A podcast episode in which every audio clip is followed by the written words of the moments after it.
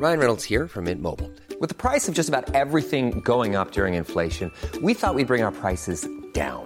So to help us, we brought in a reverse auctioneer, which is apparently a thing. Mint Mobile unlimited premium wireless. Ready to get 30, 30, bit to get 30, bit to get 20, 20, 20, bit to get 20, 20, bit to get 15, 15, 15, 15 just 15 bucks a month. So, Give it a try at mintmobile.com slash switch. $45 upfront for three months plus taxes and fees. Promo for new customers for limited time. Unlimited more than 40 gigabytes per month. Slows. Full terms at mintmobile.com. There's never been a faster or easier way to start your weight loss journey than with PlushCare. PlushCare accepts most insurance plans and gives you online access to board-certified physicians who can prescribe FDA-approved weight loss medications like Wigovi and Zepbound for those who qualify. Take charge of your health and speak with a board-certified physician about a weight loss plan that's right for you. Get started today at plushcare.com slash weight loss. That's plushcare.com slash weight loss. plushcare.com slash weight loss. Life is full of what ifs. Some awesome, like what if AI could fold your laundry? And some, well, less awesome, like what if you have unexpected medical costs? United Healthcare can help get you covered with Health Protector Guard fixed indemnity insurance plans. They supplement your primary plan to help you manage out of pocket costs. No deductibles, no enrollment periods, and especially no more what ifs. Visit uh1.com to find the Health Protector Guard plan for you. Ann, vet du vad som nalkas snart? Sommarsol. Och min berömda midsommarfest. Det är din älsklingstradition. Och vad passar då inte bättre än att vi denna vecka sponsras av Rusta? Jag drog iväg till Rusta och gjorde, du vet, den här episka inköpskavalkaden. Alltså de har så mycket bord, stolar Dynlådor. och det roligaste av allt. lampor. Ja, Jag vet. lampor, mattor. Skatglittret. Gud vad man älskar det. För jag måste säga så här. Det spelar ingen roll hur fina möbler du har. Om du inte har lullullet, Mm. de fina ljusslingorna, ljusen, lyktorna, blommorna. Kuddarna, Nej, mattorna. precis. de det måste utemattor. spegla Ja. livet, det underbara livet. Hörni, gör som vi. Gå in på Rusta och botanisera bland alla deras helt fantastiska utemöbler och allt sortiment av det vi väljer att kalla skatklitter för din sommarfest. Tack Rusta för att ni sponsrar Inte din morsa. Tack, vi är så glada.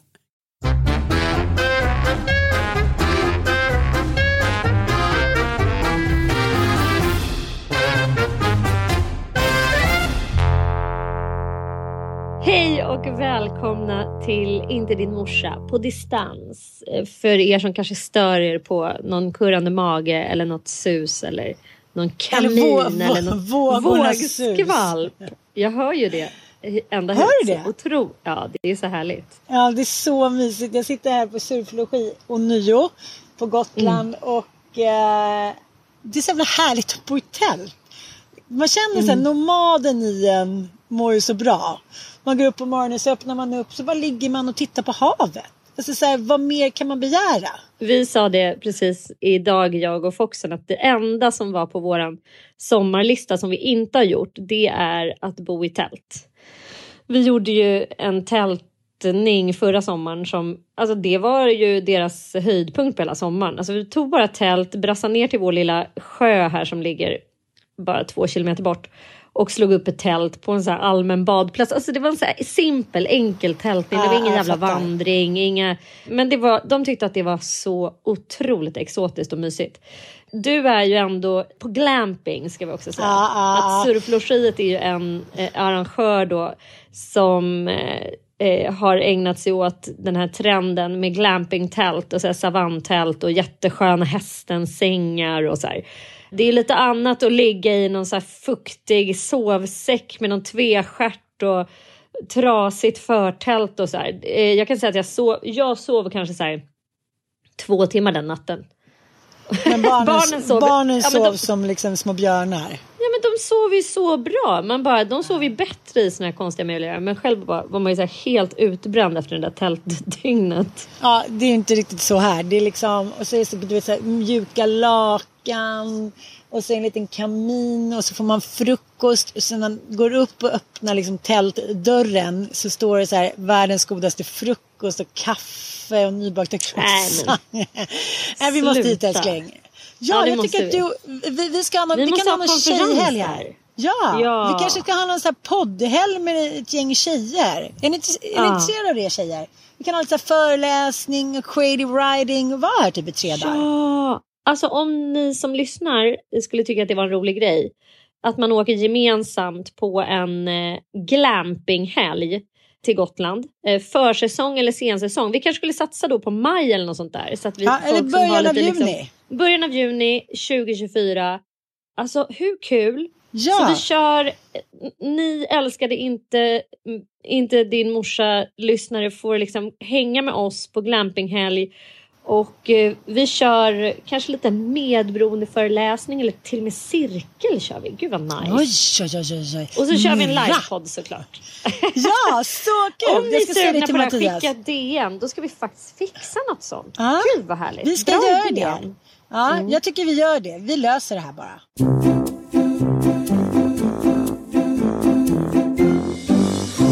Vet du vad det är för dag idag då? Mm, kan det vara typ någon bulle eller någon så här finska pinnarnas dag eller något? Ja, det är en bullbulle kan man säga. Men det är internationella orgasmdagen. Oh my god. Mm. Men det var så roligt för att jag kommer ihåg att vi var bjudna på den här premiären. Året jag började onanera och sluta prestera. Eller året jag började prestera, sluta prestera och började onanera. Kommer du ihåg den? Ja. Häromdagen då så låg jag, eller lördag så låg jag och tittade på den med Ilons tjej Emma. Mm. Och eh, dels så var det en så himla bra liksom, beskrivning, autentisk beskrivning av hur det är att separera. Mm. Liksom när killen är så här, ah, men jag tycker nu, nu räcker det liksom. Du, du håller bara på att göra karriär och köper grejer och nu har du fått massa p-bot och du är ingen bra mamma. Alltså de här klassiska grejerna, så här crazyfieringen. Mm. Och just det där att, att oftast är det männen som liksom står för mycket av ägandet som man får flytta ut. Nu kanske det här var lite väl drastiskt att de, han hade en hyresrätt och hon bara fick flytta ut på dagen typ. Men just den här förvirringen att man liksom råkar gå hem med någon och man vaknar upp och någon kommer in och man blir för full och man hittar inte nyckeln. Nej men du vet, det bara liksom pågår. Men just också det där eh, tabut med att kvinnor då inte ska liksom veta så mycket om sin fitta eller vad som ger henne njutning eller liksom frågar vad, vad ja, men hon vågar inte fråga vad det är liksom eller säga till sin partner vad hon vill och sådär. Och så pratade vi lite om det idag på campen på den här internationella orgasmdagen. Att, så här, vad är det? En genomsnittligt knull liksom, i världen är typ så här fyr, tre eller fyra minuter. Eller är det två? Nej men det är liksom helt bisarrt. Och då sa den här killen som var med och han bara, men jag fattar inte, är inte män intresserade av kvinnors njutning? Då säger jag så här, jag, jag vet faktiskt inte riktigt. Men, men eftersom det är så jävla deppiga fakta. Så här, om man tar då till exempel eh, orgasm, eh, om vi ska prata om orgasmgarantin. Då är det ju liksom, det dummaste du kan göra är ju att ligga med en snubbe. Det är ju så här, sämst rating. Vad dumt, vad tråkigt. Ja, jag vet. Den är ju störst vid onani. Och därefter är det sex med annan kvinna. Och sen efter det, långt efter, så är det sex med manlig partner. Och då är det liksom eh, i princip obefintlig chans till orgasm. Eftersom om man har då sex med en ny partner. Vi tänker att man går ut och kör ett one night stand. Mm. Ja, då är det här liksom eh, rent generellt. Så att säga. Jag tycker det är så roligt att Fi skriver på sin Instagram att om det här då skulle liksom, om man skulle anta att om kvinnor var tvungna att få en orgasm för att det skulle bli barn så skulle världens befolkning bestå av typ 329 personer. Ja, faktiskt. och då var det ju en liten kort tid under medeltiden faktiskt. Där eh, man trodde att, att eh, kvinna och man var tvungna att få orgasm samtidigt för att det skulle bli en bebis. Just det. Mm, Under medeltiden. Ja. Ja. Men då, sen kom de fram till att det kan ju inte stämma eftersom det ändå blev barn när folk blev våldtagna och man satte på pigor och allt möjligt. Alltså, Ja, eller hur? Det måste ju... Precis. Och då var kvinnans njutning lite viktig ett tag. Liksom. Kom du ihåg den där jobbiga serien som handlade om New Yorks ortodoxa judar? Unorthodox va? Unorthodox ja. Jag tycker det var så, så otroligt jobbig, jobbigt att se den serien. Hur kvinnor då skulle ligga helt stilla. Man fick inte röra kvinnan innan. Så att liksom, det var väldigt svårt kanske att bli lite blöt. För, och sen skulle den bara stoppas in, några juck och sen var det klart. Ja, och att de skulle liksom bara ägna sig åt sexualitet då under kvinnans fertila fönster. Ja. De, de hade ju stenkoll på cykeln och då var det ju bara några dagar och då skulle de bara ligga. Och eh, det var missionären som gällde och det var liksom noll procents sinnlighet och kontakt och eh, njutning som skulle uppnås utan helt enkelt bara en, en eh, Akt. ett barn, barnmakeri. Så jävla åh, vidrigt alltså. Och Mm, hon, det kvinnor skulle då ha, ha kläder på sig, en klänning som bara skulle dras upp. Ja, ett litet nattlinne så här som, och hon skulle ligga där ju med Ah, så otroligt obehagligt. Ja. Men jag tänker på det där som vi pratade om innan, uttrycket förspel då, att mannen ska då ägga upp kvinnan så att hon blir då tillräckligt blöt så att han kan stoppa in Nopedoni. Det är klart att man inte hinner med. Alltså förstår du? För att då har ju han kämpat på lite där enligt gammal norm. Sen stoppar han in den och sen då är ju tjejen ändå på något sätt lite längre efter. För att hon ska då enligt planen äggas upp då successivt. Sen menar inte jag att alla kvinnor eh, behöver världens längsta förspel. Men det är ju någonting som är shady. När så få kvinnor får orgasm. När de är med män. I jämförelse med när de är med kvinnor. det är ändå fucking sad. Ja men det är sad men jag har också gjort en upptäckt efter att ha pratat med, jag gör ju en serie som heter Beroende för ja men det känns som att jag bara tjatar om det men Mm. Nej det men du måste ju göra lite reklam för den. När Ja men det ska jag verkligen göra. Den kommer, sen, den kommer börja sändas i P1 den 23 augusti med klockan 10.35. Och vi har ju liksom en väldigt stor vidd, bredd bland våra beroendesjuka som medverkar. Alltså vi har ju sju eh, stories kan man säga och eh, också sju experter som på helt olika sätt fördjupar sig kring vad beroende är och eh, vad man kan göra åt det, eh, kan man kortfattat säga. Men vi har ju gjort ett program om sex och relationsberoende. Och eh, då har jag ju träffat liksom många som är inne på den här problematiken och det som har förvånat mig väldigt mycket att många kvinnor som har ett sex eh, beroende, alltså som har ett sex, man kallar det för att det är två sidor av samma mynt, att antingen har du liksom sexuell anorexi, att du är avhållsam för att behålla någon typ av sinnesro. Eller så blir du liksom eh, sexuell bulimiker, det vill säga att du är väldigt liksom, uppsökande och har väldigt mycket sex och försöker ofta inleda relationer genom sex, alltså genom att bjuda på sex i hopp om att skapa relation. Det är så kvinnligt sexmissbruk ofta ser ut. Men det är att i det kvinnliga eh, sexmissbruket så är det väldigt sällan orgasmen som är målet. Utan det är fångsten, att fånga någon, att liksom attrahera någon som sen ska eh, engagera sig emotionellt. Det är det som är målet. Aha, okej, wow. Och att det ligger en väldigt stor spänning i det, därför att man ju inte vet. Och bakom liksom känslan och upplevelsen av spänning så är det ju helt andra hormoner som spelar in än orgasmhormoner. Orgasmhormoner frisätter ju endorfiner som gör att vi känner oss lugna till freds. Det är därför man kan få så här lugnande känsla av en orgasm. Medan spänning, alltså den här känslan att inte riktigt veta, kommer jag liksom lyckas hova in honom och kroka honom här med eh, min sexuella invit? Eller kommer han att avvisa mig? I det där spänningstillståndet så är det ju adrenalin och kortisol som pumpar ut. Alltså du blir hög på helt andra och så dopaminer förstås. Och att det är det man söker efter där. Att bli hög på spänning och på drama och på så här hö, ovisshet. Men eh, orgasmen, jag, jag vet inte, jag har typ aldrig, alltså har du träffat på många kvinnor som är så här orgasmgalningar? Bara, jag måste ha minst en, jag har en kompis som är så. Som är så här, nej jag måste ha sex varje dag med min partner. Och jag, då, jag vill liksom, an, annars skulle inte jag Mm, tycka att livet var värt att leva typ. Nej men jag har ju en kompis som verkligen, verkligen gillar sex och verkligen, verkligen står för det. Och jag eh, får känslan av, att det är lite samma där. Att, så här, att det liksom handlar väldigt mycket om den här fångsten. Att man kan känna att man kan liksom fånga män överallt. Det spelar ingen roll om det är på en badstrand, på en busstation, eh, liksom, i en kyrka. Det handlar bara om att liksom, av en besatthet av att fånga in det där sexuella mötet. Liksom. Men hon, hon är i och för sig intresserad av orgasmen också. Nej, men jag tycker inte det pratas ju inte så himla mycket om orgasmen liksom. Eh, Men det jag frågade men det- henne som var intressant var, men blir du inte deppig då om du ligger med dem och sen vill de inte liksom ha dig så hör de inte av sig. Då sa nej jag mår aldrig dåligt av det. Jag bara okej.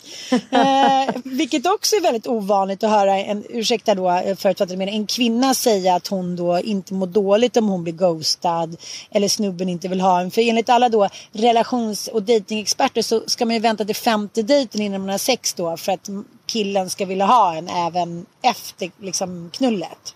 Vet inte om det stämmer. Eh, men att det ändå fortfarande 2023 är lite så här att tjejer som ligger på första dejten är slamper. Men tänk om man bara vill ligga då? Man kanske inte vill ha någonting.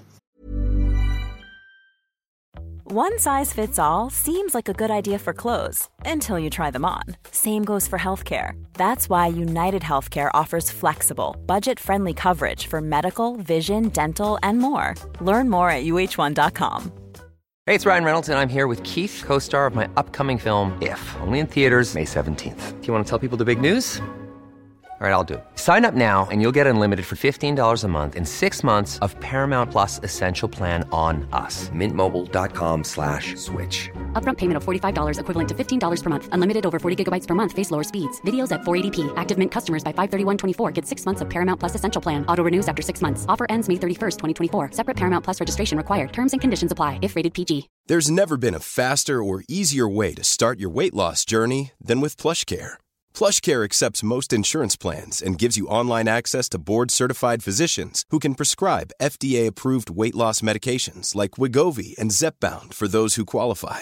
Take charge of your health and speak with a board-certified physician about a weight loss plan that's right for you. Get started today at plushcare.com slash weight loss. That's plushcare.com slash weight loss. plushcare.com slash weight loss. Hey Dave, Yeah, Randy. since we founded Bombus, we've always said our socks, underwear, and t-shirts are super soft. Any new ideas? Maybe sublimely soft. Or disgustingly cozy? Wait, what? I got it. Bombus. Absurdly comfortable essentials for yourself And for those facing homelessness. because one purchased equals one donated. Wow, did we just write an ad? Yes. Bombas. Big comfort for everyone. Go to bombas.com slash ACAST and use code ACAST for 20% off your first purchase. Nej, nej, jag vet ju, alltså så här, jag tycker bara att det är intressant att börja bena i och så här, vad det är vad och ett sexuellt möte det, det har ju så många delar. Det är som du säger, det kan finnas hopp om en relation. Det beror också på vad man kliver in i. Eh, alltså man kanske redan har en relation men ändå tycker att det är skitkul att flirta eller att hova in någon, att kroka någon, att få bekräftelse, att bli sexuellt eh, uppmärksammad och det är ju en väldig känsla i det på något sätt. Det kan jag säga så här, om jag, om jag ska analysera mig själv, det har jag aldrig riktigt gått igång på. Det här har ju vi varit inne på förut, att jag hade ju liksom inte en mamma som var så förförisk. Nej, Så nej. jag har inte fått med mig sådana mönster. Jag har inte sett liksom kvinnor i min nära anknytningsarea eh, area som har varit såna där superförförare. Liksom. Att det är en viktig kunskap att förmedla. Nej, jag så. fattar, jag så, fattar. Så det tror jag kan vara ett skäl till det. Men, eh, Men det var inte min mamma också... heller i och för sig. AK? Nej men, nej, men du har ju å andra sidan haft en syrra, tänker jag. Och sen tror jag att det, det är någonting som man, som man på något sätt också... Man kanske kan utgå ifrån att det inte bara är ens morsa som så att säga skapar ens eh, framtida förförelsemönster. Men det är också någonting som man lär sig när man går i skolan och blir tonåring. Att så här, det här är någonting som är eh, hög status. Det här är någonting som är eh, en åtråvärd. Liksom. Det märkte ju jag. Att, så här, Oj, det här är en förmåga som jag inte har utvecklat och som jag inte har. Hur, jag vill ha den. Alltså lite så. Lite Men som när jag gick sen- ut i en tubtopp och bara, jaha, varför har jag inte gjort det här typ Jaha, 30 jag var också, också åkte till Italien när jag var typ 16. Nej, men jag kanske var 17 och hade på mig ett par stringbikinbrallor. Jättesmart. man I fick smaka på Italien. man bara... Våldta mig i hellre på plats, på typ. ön Ischia. det var ju verkligen så här. Oj, nej men helvete, det var galenskap. Det var liksom, Ja. jag har aldrig varit med om något liknande. Och det men var ju en speciell upplevelse. det? För vissa njuter ju av det. Jag får ju bara panik om någon skulle liksom hålla på och glo på mig på stranden. Jag, jag har väldigt svårt för mäns blickar när jag inte är påklädd. Jag, jag njuter inte särskilt mycket av dem annars heller. Men just när jag liksom går på en strand och någon ska äta upp en med blicken. Jag kommer ihåg när man så började få tuttar och liksom började vara så här åtråvärd för män. Hur de tittade på en när man typ satt och fikade. Man bara. Nej men gud, ät hellre men upp jag ska mig på ett säga fat. dig att nej men någonstans, och det här är faktiskt eh, jag har precis läst en eh, roman när jag var på Hydra som, som behandlar just det här som jag tror att väldigt många flickor Eh, är med om. Precis det här sexuella uppvaknandet när man förstår att man är ett sexuellt eh, föremål för det motsatta könet. Och att det kan finnas en enorm så här styrka och njutning i det. När man bara wow, det här är en jävla kraft. Det här är naturkraft. Det här är sexuellt kapital och jag har det. Men ganska snabbt, jag minns ju där på ön Iska kan jag inte säga att jag fick. Jo, men det är ju så här också att när man klär sig på det sättet och blir föremål för det, då ska man också göra sig beredd på att du kommer bli skammad. Så du kommer få sån jävla backlash i form av killar som beter sig monchat, alltså så här fransmän som bara gör så här, mm, typ du är en hora. Att man får kommentarer att man är någon jävla slyna typ. Och eh, även framförallt kvinnor som tittar på en med dömande och vidrig blick. Så ganska snabbt så lär man sig att du får inte jobba på det där för mycket för då kommer du bli, eh, då kommer du bli så jävla förnedrad och skammad. Jag kan rekommendera den här boken, Annie Ernaux som vann Nobelpriset. Den heter En flickas memoarer. Det är en självbiografisk liksom, bekännelse. Hon är ju gammal när hon skriver den här boken men hon går tillbaka till sommaren 1958 Just när hon är lägerledare på någon typ av motsvarighet till kollo och där för första gången liksom hamnar i en sexuell situation med en annan lägerledare. Och det, hon, hon blir liksom hög på eh, att kyssas, att hångla, att, vara, att suga av en, en kille för första gången. Alltså hon ba, jag bara kände igen mig så mycket i det här när, när man hittar, eh, när, man, när man helt enkelt sexualdebuterar och hon förlorar inte ens oskulden då utan det, det är bara annan typ av sex. Men inom loppet av liksom ett dygn så har hon fått stämpeln hora bland hela det här kollots liksom lägerarsenal samt, jag vet inte om barnen, men du vet hur hon bara får, ska straffas så hårt för att hon använder sitt sexuella kapital för första gången. Och jag, det är ju eh, en erfarenhet som jag tror hon delar med i stort sett 99 procent av den kvinnliga befolkningen i världen. Att du hittar en väldigt stor kraft i dig själv. eh, Du, du eh, ser att du kan, den kan ta dig väldigt eh, långt men väldigt snabbt blir du nedplockad från piedestalen. Har inte du känt så också? Alltså antingen i form av en våldtäkt eller någon som ska liksom take advantage av, si- av den här situationen. Eller också män. Jag vet liksom när jag var i den åldern. Du kan ju tänka dig hur jävla perfekt man var när man var 17 år, både i kropp och utseende. och allt med. Ändå var det då jag fick så här vidriga kommentarer. Alltså allt ifrån eh, att man hade feta lår, vilket man ju definitivt inte har när man väger 48 kilo. Men alltså förstår du? Eller du har så... Eh, gud, du borde sträck på dig. Minns jag att det var en pojkvän som sa till mig. Alltså så här, Ja. Att det var då man kan verkligen trycka till någon som är i den åldern också. Ja, otroligt. Jag kommer ihåg att jag hade en kille Otroligt. som sa så här, vadå har du 40 skor? Jag bara, nej jag har 39 typ. Han bara, bra för 40 kan man ju inte ha. Jag bara, hade ju 40. Jag bara, nej typ. Och hur min syrra då, eh, på grund av att man inte kunde ha större skor än liksom 38 egentligen då, då eh, alltid hade för små skor. Så förstörde fötterna.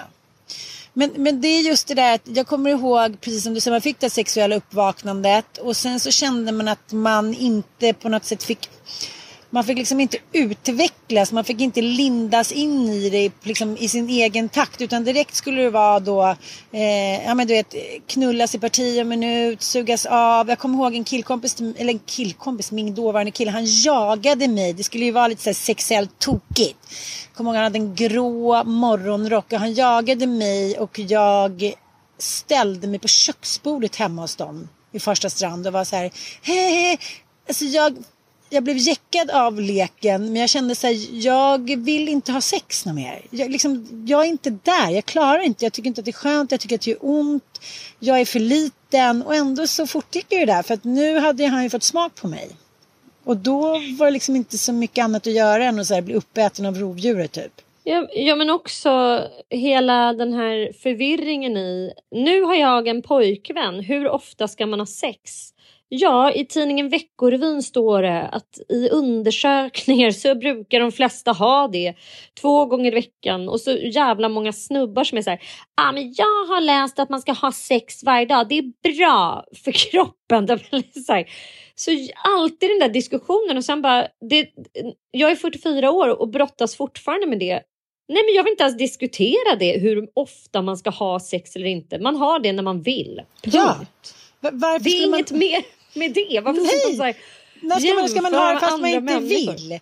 Jag kommer ihåg när mamma sa att liksom, ja, när vi var yngre då fick man ju ha någon liksom, pliktligg och ställa upp fast man inte ville. Jag bara sa äh. Och sen var det så himla sjukt för att jag har ju två kärleksbrev från min pappa eh, som han har skickat till min mamma när han har legat i lumpen och varit på Mallis och så här. Och Mm. jag har läst ett av dem och tyckte att det här var inte mycket att hänga i julgranen. Men så var det ett annat som dök upp nu när jag flyttade. Som jag Mm. inte hade läst. Så det satte jag mig då ner och läste. Mm. Och eh, jag liksom håller på att tampas med mig själv. Hur, på vilket sätt som jag reagerade inför det här brevet. Mm. Ja, han var då, eh, jag vet inte om han var på någon liksom repmånad. Men på något sätt så var han på någon repmånad och mamma var då kvar. Ja, hon, ja, hon måste ju ha varit i Eksjö då eller om hon pluggade i Linköping. Jag fattar inte riktigt. Men det var mycket så här att han skulle hjälpa morfar och hur är det hemma i Eksjö och sådär. Men då eh, handlar brevet väldigt mycket om då på hans känslomässigt eh, förbannat jävla omogna kattsätt. Förlåt, lilla jaman som bara... ja, men mycket så här hur jobbigt allt är. Eh, hur synd det är om honom. Och hur mycket han längtar. Och sen så, jag vet inte ifall jag får säga det här, men det handlar mycket om att han längtar då efter att liksom ligga med henne då. Jaha, han är ändå explicit när han skriver det. Ja, och liksom jag blir så här, åh, jag vill inte läsa, det är inte Det är inte på liksom Pornhub-sätt. Jag går ner och liksom, det är absolut inte så. Och så bara känner jag så här, "Men pappa din patetiska människa. Det är så här, varför skriver du så där till mamma? Hon är inte alls sån och jag vill, gå in och försvara. Men så tänkte jag själv liksom när man håller på och chattar och skickar sms och hit och dit. Och så här, eh, skickar bilder hit och dit. Att liksom, vad fan vad kan de ha varit? Så här 20 och 24? Väldigt onormalt om de inte hade... Tänk dig själv om ens egna barn hade hittat tryckt ut hela ens sms-konversation med liksom, nej men gud. Ja. Rädda mig från skärselden. Nej men så då tänkte jag så här, nej men nu är jag liksom löjlig. Det var väldigt så här, ja men det var väldigt gulligt och så här oskyldigt på något sätt. Men jag tänkte så här, ska det vara det enda du tänker på när du ligger där i fält typ? Men så tänkte jag, vad fan ska man annars tänka på? Ja, när man det är ligger där precis det man tänker Ja, på i sin lilla fält. sovsäck och man är nykär. Så då, då blev det ändå lite så intressant tyckte jag helt plötsligt. Ur liksom socialkulturellt historiskt perspektiv. Och då tyckte Ja. jag ändå att det var lite, så här, lite gulligt. Men jag har inga liksom, svar från mamma utan det är pappa som är så här Stackarn, han är på Mallis, dubbelförlovad. Eh, det är väldigt mycket liksom hur och jag också har män som har varit på samma sätt. När de har varit iväg så har de aldrig kunnat säga som det här var ju roligt eller nu njuter jag. Utan ja nej den blir för full nu i skid på afterskin och nej. De, de liksom aldrig erkänna att det är eh, roligt. Och sitta med några gamla bilder man bara oj här stod du på bardisken. Och jag tror att det är enligt dem då ett listigt sätt tycker de Att inte liksom Ja. erkänna hur Ja. kul man kan ha när man är med killkompis eller tjejkompis eller inte är med sin familj. För då kan ju jag liksom gå över gränsen när det är så här grönt ljus för tokigheter utan karasloken. Det är min enda tolkning. Alltså, så här, det är ju lite genomskinligt sett, eh, tänker jag, när någon är så här, ringer och är bakis på dag tre och är så här Buhu, jag längtar hem. Det var så jobbigt att vara i Åre. typ så här, man bara, ja tycker du nu ja. Eh, tre, tre dygn efter liksom den hårdaste festen i mannaminne, liksom bartömning på valborg typ. Alltså det är liksom, ringer en partner och är sådär efter att ha varit iväg på raj-raj, då blir man ju direkt misstänksam. Blir jag i alla fall. Jag tänker också här, vem har inte kul i Åre? Alltså vem har liksom inte kul på en bartom? Ja. Vem är det du försöker lura? Mm. Jag tycker alla har blivit så tråkiga. Man bara, nej det tycker jag inte. Eh, jag vet inte, det är så konstigt sätt att så här, nu behöver vi inte ha höga klackar eller snörliv. Men då, för jag är ju alltid så här, vi hade så kul, vi har så kul. Då blir det också så, varför ska man bjucka på det? Då håller man ju själv lite, du vet, sordin på stämningen. Och jag tycker att det är så himla fel. Jag tror att det är en väldigt viktig del av relationen att man ska kunna vara bjussig. Sen får man väl erkänna när man blir lite sotis eller tycker så här, ja, här sitter jag. Men att hålla på och låtsas Jag att vill man också säger. vara med. Nej. Ja men det kan man väl säga liksom någon gång. Men att hålla på och låtsas som att man liksom har det tråkigt på sitt livs grabb eller tjejresa. Det blir lite så här. Mm, ja. det är lite, lite, lite, lite genomskinligt va, tycker jag. Ja, Ja, du har nej, fått men- lite konstruktiv kritik till oss. Ja men så här är det. Jag, jag tänkte så här. För vi öppnade ju upp lite grann som en eh, sån här eh, bekant flodvågsport. När vi, nu med tanke på Hans och havererade dammar och annat i Norge eh, så gjorde vi det när vi uppmanade folk att skriva till oss och berätta vad ni känner och, och sådär, Mm, mm, eh, mm. på vår Instagram-sida. Och då fick jag in två stycken väldigt motstridiga DMs. Eh, och eh, då kände jag så här. Jag som i egenskap av medberoende och som har liksom en anknytningsmodell som är ganska ambivalent och har väldigt svårt att hantera konflikt och eh, kritik och så. Alltså det blir direkt väldigt hotfullt för mig och det är väldigt så här, vilket gör att jag ja, det jag kommit fram till när jag har gjort självrannsakan, både i mina tolv steg och i, i terapi och så, det är liksom att jag undviker ju relationer eh, som bjuder in till konflikt. Och, och jag tänker att så här, men en del av det är bra, för jag tror inte Eh, det, är inte bra att hålla på och tjafsa för mycket. Alltså det kan ju också vara en typ av dramaberoende, att man man söker liksom konflikt för att det ska hetta till och man ska få känna att man är lever och man är här och nu och det är drama och det är av och på och sådär. Så en del av det känner jag är sunt. Men en annan del av, av mig känner att så här, jag vill ändå kunna ha konstruktiva konflikter för att i alla relationer så kommer ju konflikt att uppstå. Man tycker olika om saker, man blir irriterad och man är liksom, man nöter på varandra och man behöver komma överens om grejer som man inte tycker likadant om och sådär. Så, så jag vill liksom bli bättre på det. Eh, så det är mitt mål. Jag, jag känner ju så här, den starka nystarten alltid så här inför hösten och, och det har jag bestämt mig för. Jag ska inte bara plugga diakonivetenskap utan jag ska också bli bättre på att hantera konflikter. Och jag ska undersöka det eh, på massor av olika sätt. Hur gör man? Eh, hur blir man liksom bättre på det? Men en, ett eh, försök till det, det är att jag ska ge oss båda varsitt DM som är, riktar kritik mot var och en av oss. Och så kan vi liksom lite reagera på dels sakfrågan. Stämmer det här? Ja, eh, ah, du kanske har rätt i det här du som skriver.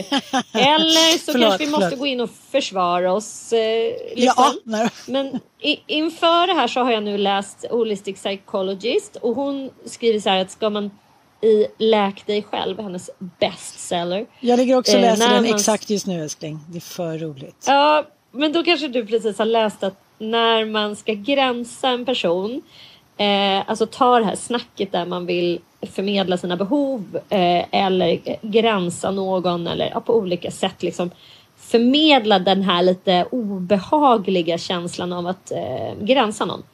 Då ska man ta några djupa andetag och se till att göra det när man är i in a good emotional mood. Att man inte redan innan är stressad eller upprörd eller så. Och gärna när den andra personen är det. Så du sitter ju i glampingtält och verkar ju vara jävligt chill där. Och jag ligger i en säng och känner mig också väldigt chill. Så att jag tänker att vem ska vi börja med?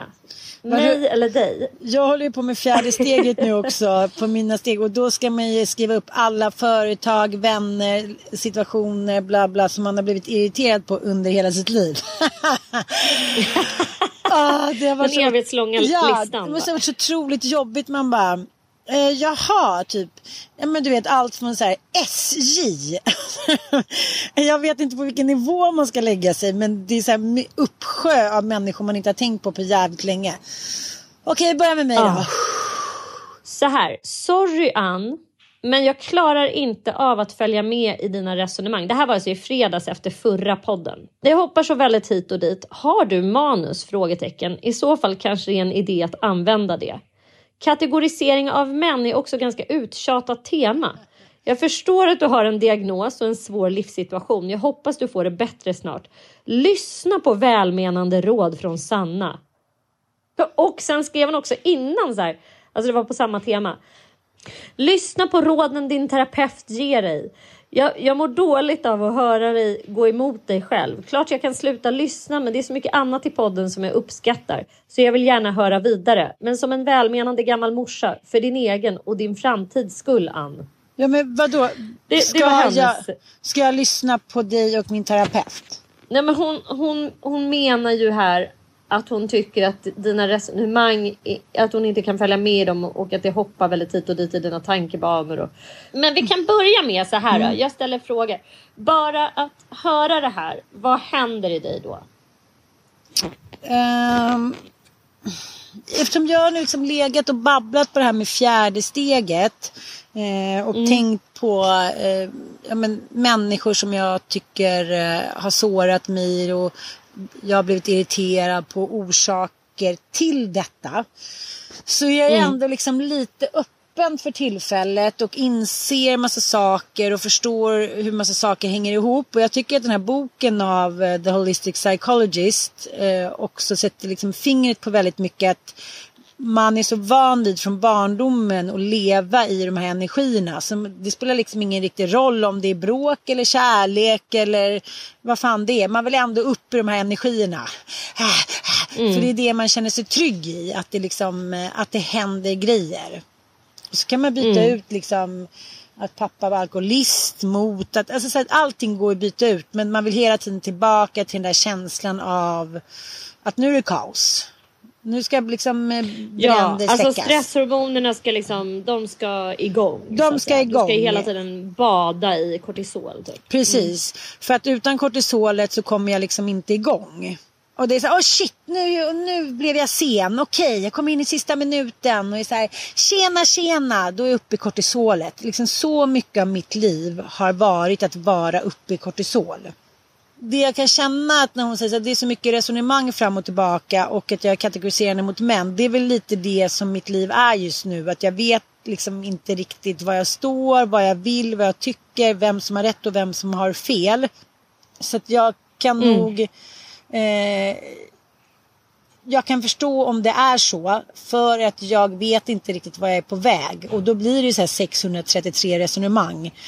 Och jag är uppe i liksom mina separation och flytt och eh, som, som du sa till mig, det kommer ju till en till slut. Det här första halvåret som vi pratade om du och jag också. Eh, när man på något sätt ändå inte har accepterat att man inte är en familj. För jag tycker det är ganska tråkigt att inte vara familj. Jag tycker det är jävligt mysigt att så här, nu ska vi planera någonting inför helgen alltså i tanken. Sen var det ju inte så de sista åren. Men när en familj är bra så tycker jag fortfarande att det är oslagbart. Jag tycker att det är roligt att vara en familj mm. när det funkar bra. Och nu har det inte funkat bra och därför ska vi inte leva tillsammans.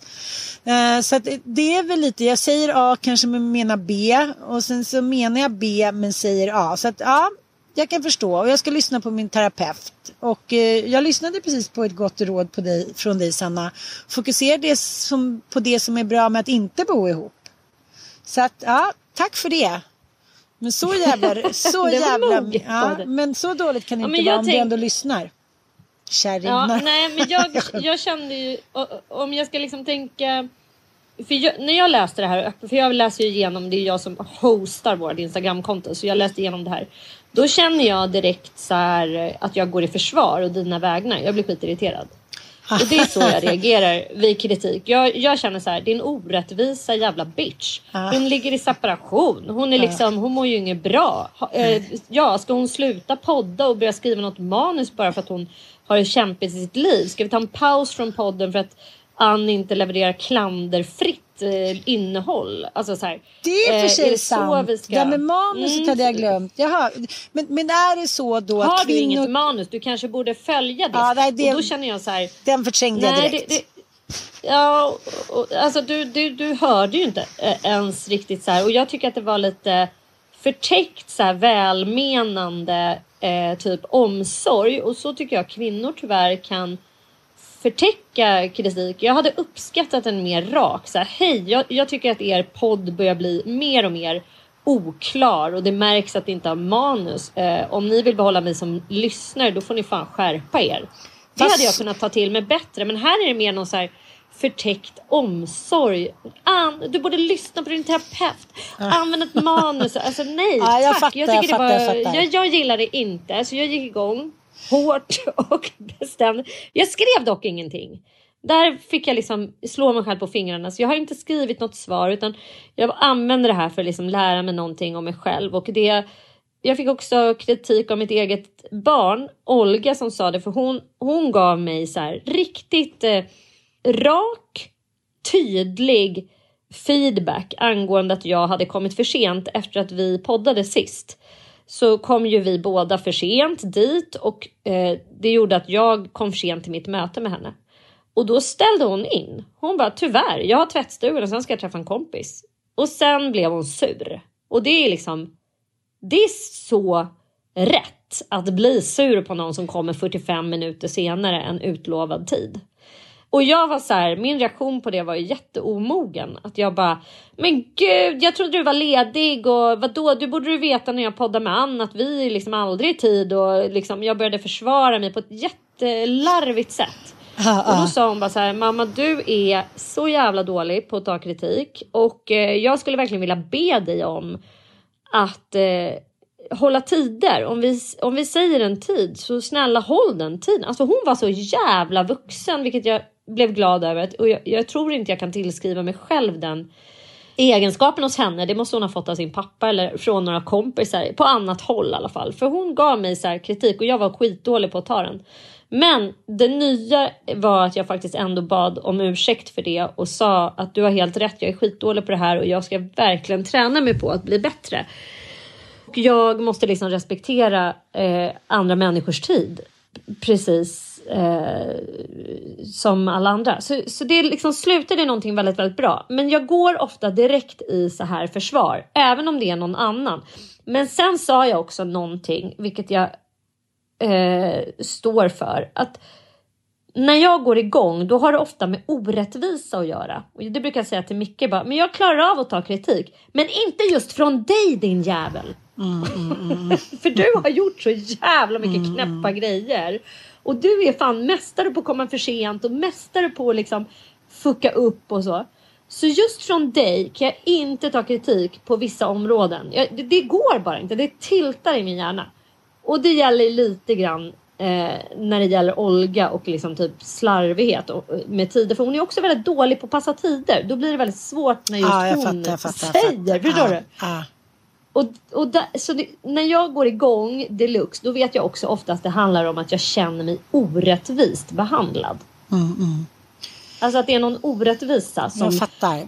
bara du vet brinner i mig och det kan jag bara inte låta vara eller så här, jag förstår, jag hör vad du säger, jag ska ta det med mig. Bara fuck it känner jag då. Det var någon som skrev till mig också häromdagen så här att gud, ja, du måste börja prata mer i podden. Det låter bara som att Sanna liksom, hon sitter där och Mm, ler ja men en- den har jag fått. det Ja. är den jag ska komma till beträffande mig att man själv. så här, här. och, och, jag- och jag, jag tycker också det som jag pratat om innan att man, säger, man är ute nu eh, igen och eh, liksom inte dejta men träffa lite karlar hit och dit och hur de direkt ska berätta för en hur man ska göra nej det tycker jag inte och är det så lämpligt och nu tycker jag du kommer hit och får jag bjuda på en drink. Man säger nej, du kommer inte få hångla upp mig för att du bjöd mig på en drink. Och så går man därifrån och så går man till nästa ställe då bara, jaha.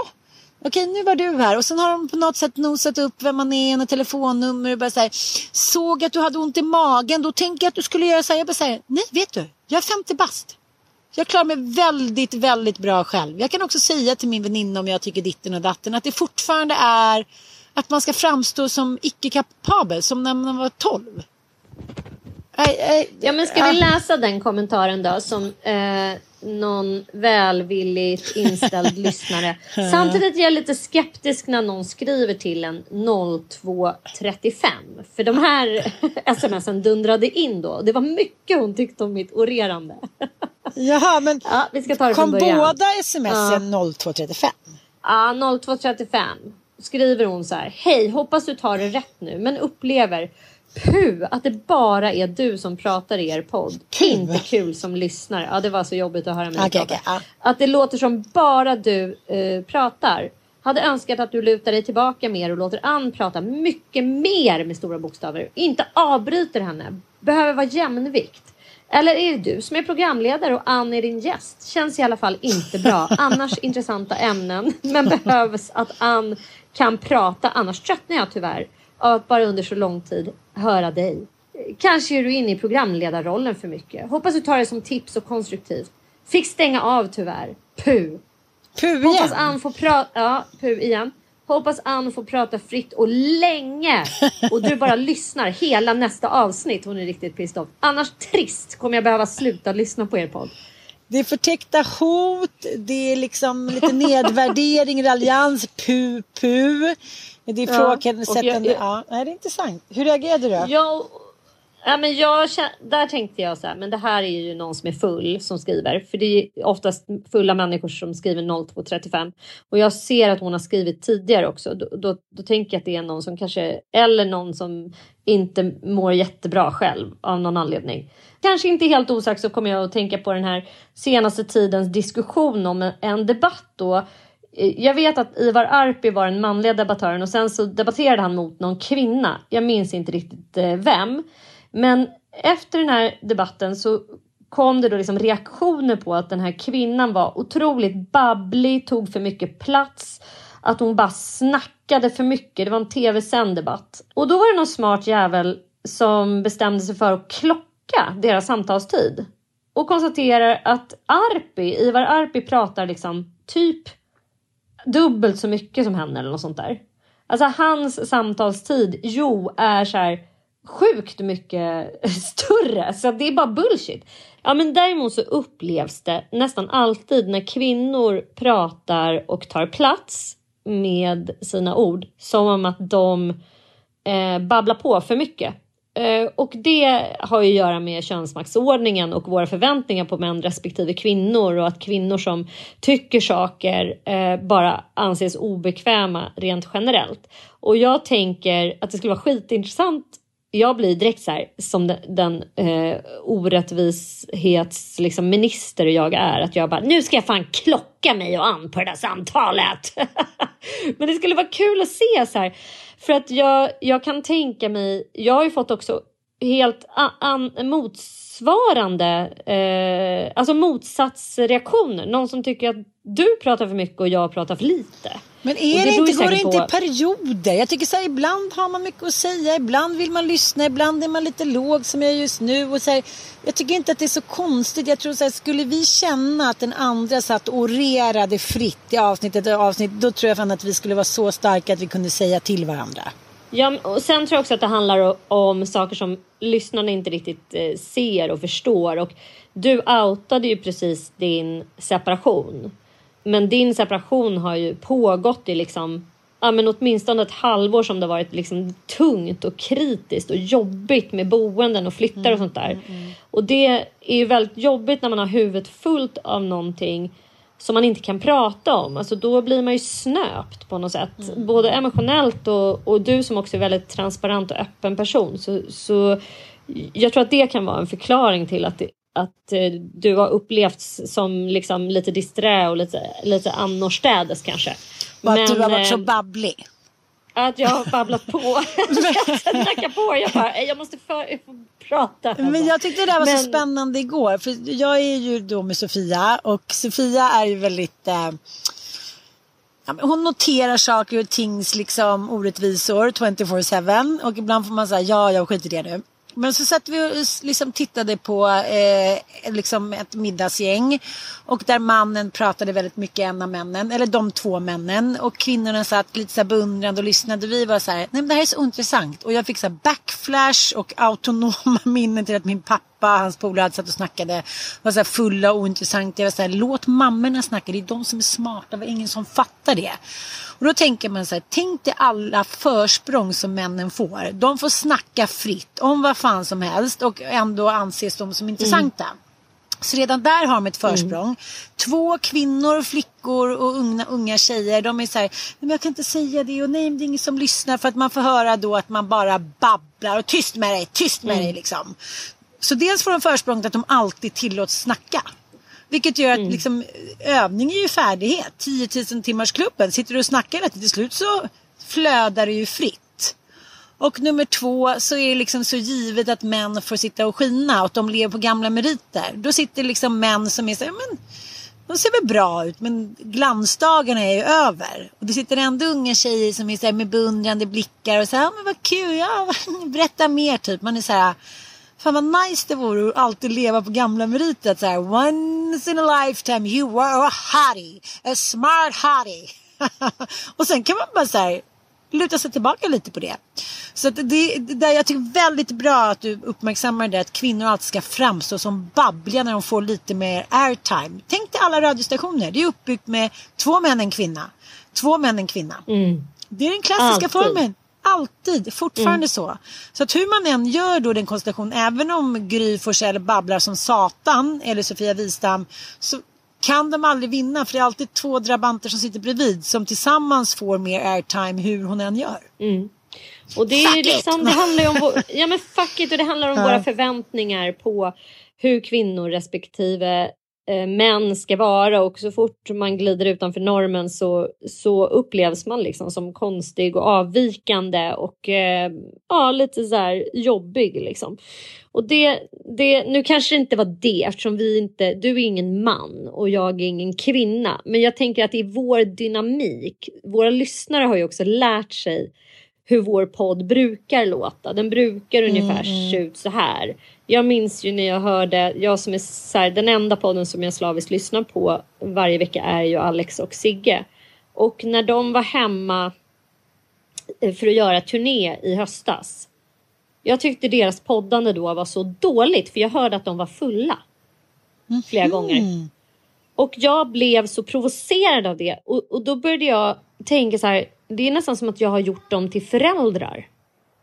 Förstår du? Och, och jag, ble, jag fick såna här PTSD-vibes. Jag bara tyckte det var så obehagligt att Sigge satt och så här slirade lite. Jag hörde liksom fylletonen. Jag brukar aldrig tycka att det är störande att människor är berusade eller fulla. Men där blev jag riktigt irriterad och kände så här, åh, bara, sån avsmak. Och sen att de inte höll den här formen som de så tydligt har upparbetat. Som du är Jag besatt vet vad jag ska av. få, som jag är besatt av. Jag tycker den är jättebekväm och den är behaglig och det är härligt. Så här. När de bryter mot det, då bara blir jag så här, som det vanedjur vi alla är på något sätt, lite stressade. Och det, det är ju det är så människans hjärna funkar. Vi vill ha homeostas, vi vill ha det förväntade. Vi är... eh, Vi älskar att känna oss trygga i, i det vi ägnar oss åt på något sätt. Men eh, samtidigt så för att liksom försvara dig och mig så tänker jag också att så, ni som lyssnar som sagt inte har the whole picture alltid. Och eh, jag eh, känner också starkt att jag lyssnar inte på eh, kritik så mycket. Och man ska inte göra det för att om Nej. vi började tänka på det här och böja oss för det här Ja. då skulle vår podd inte vara vår podd. Nej, det är faktiskt sant Eh, och sen, ja, och jag vet så här, jag har fått några välmenande, såklart från män, så här konstruktiv Mhm. kritik. Ja, Mm. och du skulle bara veta vilka män det är som har givit mig den här kritiken angående mitt skrivande. Mm. Och jag kan ändå säga så här, det är alltid män. Jag har aldrig haft någon kvinnlig författare som har kommit fram till mig och försökt tala om för mig att om du skrev lite mer så här så skulle det bli bättre. Mm. Alltså det gör generellt inte kvinnor och det uppskattar jag. Eh, om man inte ber om det, eh, om man vill ha feedback och man ber om det, då är det, då är det ju en helt annan sak. Men att man så här, kastar sig över någon och, och bara så här, hörru, jag tycker du ska göra så här, det blir bättre. det är som att ge oombedda råd. Ja. Alltså det ska man inte göra, det liksom landar oftast inte så bra. Det, stör, det stör ju många män att man inte ber om, om, liksom, om oombedda råd. Men eh, för att avsluta den här podden så ska jag också eh, påvisa att, här, det spelar inte så stor roll i vilken generation männen är i. Men nu de nya raggningsreplikerna som jag eh, råkade på i fredags. Ja, jag har, det, spännande. li- jag har det lite nu som en följetong. ja, min kompis eh, Lill-Kikki var här och från USA. Hon kommer en gång per år. Och jag mötte henne och en jättegammal kompis som jag träffade länge som heter Anna Valtzo som är en underbar kvinna. De hade ju kört på sen klockan fem. Jag dök väl upp till kanske vid tio. Eh, och vi är på Rish, skilsmässodiket som det heter. och det är liksom, folk är på gång och det är väl bra liksom. Det, det får man vara, det är sommar Det är och kul. ja det är kul. Det och sen börjar det liksom. Ja, och då är det någon eh, engelsman som kommer fram och han, he's working with diamonds. Mm, det var ju lätt. Får jag säga som, Spännande ändå. jag som aldrig har fått en Ja. diamant. Jag bara, men kanske så här 35. Och Mm. liksom, eh, nej han köper inte ens en drink. Han, han, vill, han och hans polare vill stå och snacka med oss bara. Och han blir liksom väldigt betuttad i mig och eh, börjar nästan, eh, han, nu äger han mig lite. Han står bakom mig, håller om mig lite, så nu är det vi. Och han frågar lite hur det är. Jobbar jag in the fashion business? Han tycker jag är snygg, liksom han har spetsblus och så här. och sen säger jag så här, jag säger så här, nej, nej, nej, jag har barn och så där. Och han bara, okej, let's go home and try to make babies. Oj! Då sa det blir inga mer bebisar nu. Och sen försöker han kyssa mig och jag typ flyr till Sturehof. Han kommer efter. Jag säger, hamnar vid något bord med en man som är lite äldre. Eh, och som bjuder på någon champagne. Det är ett stort gäng som jag känner några sådär. Han börjar ganska snart att fråga med om vi ska bo, om vi ska sova eh, vid Kungsholmen eller i Täby. Nej, liksom Man har två boenden. Ja, ja, men ska vi hem till mig eller ska vi hem till dig? Ja, ska jag- okej jag fattar. Mm, det tog han bara för givet. precis, jag är så här, tog min cykel och cyklade hem i natten. Tog en Sigge Pillis, rangade omkring där och bara så här. Fy fan vad skönt det är att inte vilja vara i en relation eller dejta. Och det gör ju många irriterade. Att man inte är så här, ja vad mysigt. Då tycker jag vi åker till Täby till din villa. Eller vad du nu har för någonting. Du verkar ha pengar. Att man är bara så här, nej, hej då typ. Ha det så bra nu. Och sen har han gjort av sig diamanthandlaren. Och då kände jag lite så här, okej, bjud ut mig på en dejt då. Verkligen. Ge mig en diamant. Precis. Vi skickar en diamant så kan vi snacka. Skicka en Så det diamant och- Var, ja, så det var de två replikerna för den här veckan. Mm. Ja, gud vad roligt. Alltså, Fortsättning följer. Det här ska bli Ja. så underbart. Ja, Mm. mm. Tack för att ni Ehm, lyssnar och eh, kom tack. bara med snälla grejer. Nej, nej, men Nej. alltså så här. Eh, ni får ju... Jag menar inte... Jag tycker inte att det var något fel på de Nej. här kommentarerna alls. Som sagt, kränkande saker, det får ni faktiskt inte skriva. Att Nej. skriva liksom så här, du har något manus, du kanske borde hålla dig till det. Det är inte schysst att skriva. Och det gäller även du som tycker att jag är så pladdrig. Att skriva pu och stora bokstäver och jag slutar nu så här. Det är kränkningar och det är inte kritik. Och jag tror att ni fattar vad skillnaden är. Så fortsätt att ge oss konstruktiv kritik. Det är jättenyttigt för mig som håller på att träna på det här nu. Men eh, kränkningarna, det ska vi gå igång på och bli förbannade över och gränsa. Så det är inget fel i det. Bra, älskling. Så Mycket bra. Mm. fortsätt. Jag tycker det här är spännande. Och ni får ju såklart rosa oss. Och så här är det, har jag läst en studie nyligen. Du ska säga till din partner tio positiva grejer Och en negativ grej, om du nu liksom ska framföra kritik så ska du tänka på att du ska liksom vara tio gånger så positiv. Därför att den mänskliga hjärnan upplever kritiken som hot och den medför jävligt starka eh, stresspåslag. Så därför måste du liksom boosta, du måste oxytocina, du måste eh, mumma och mysa liksom tio gånger så mycket. Och det ska man tänka på med sina barn också. Det är någonting som jag tränar med både djur och barn. Att vara liksom förstärkande, boostande och på olika sätt positivt förstärka saker mer än att man kritiserar. Puss och kram!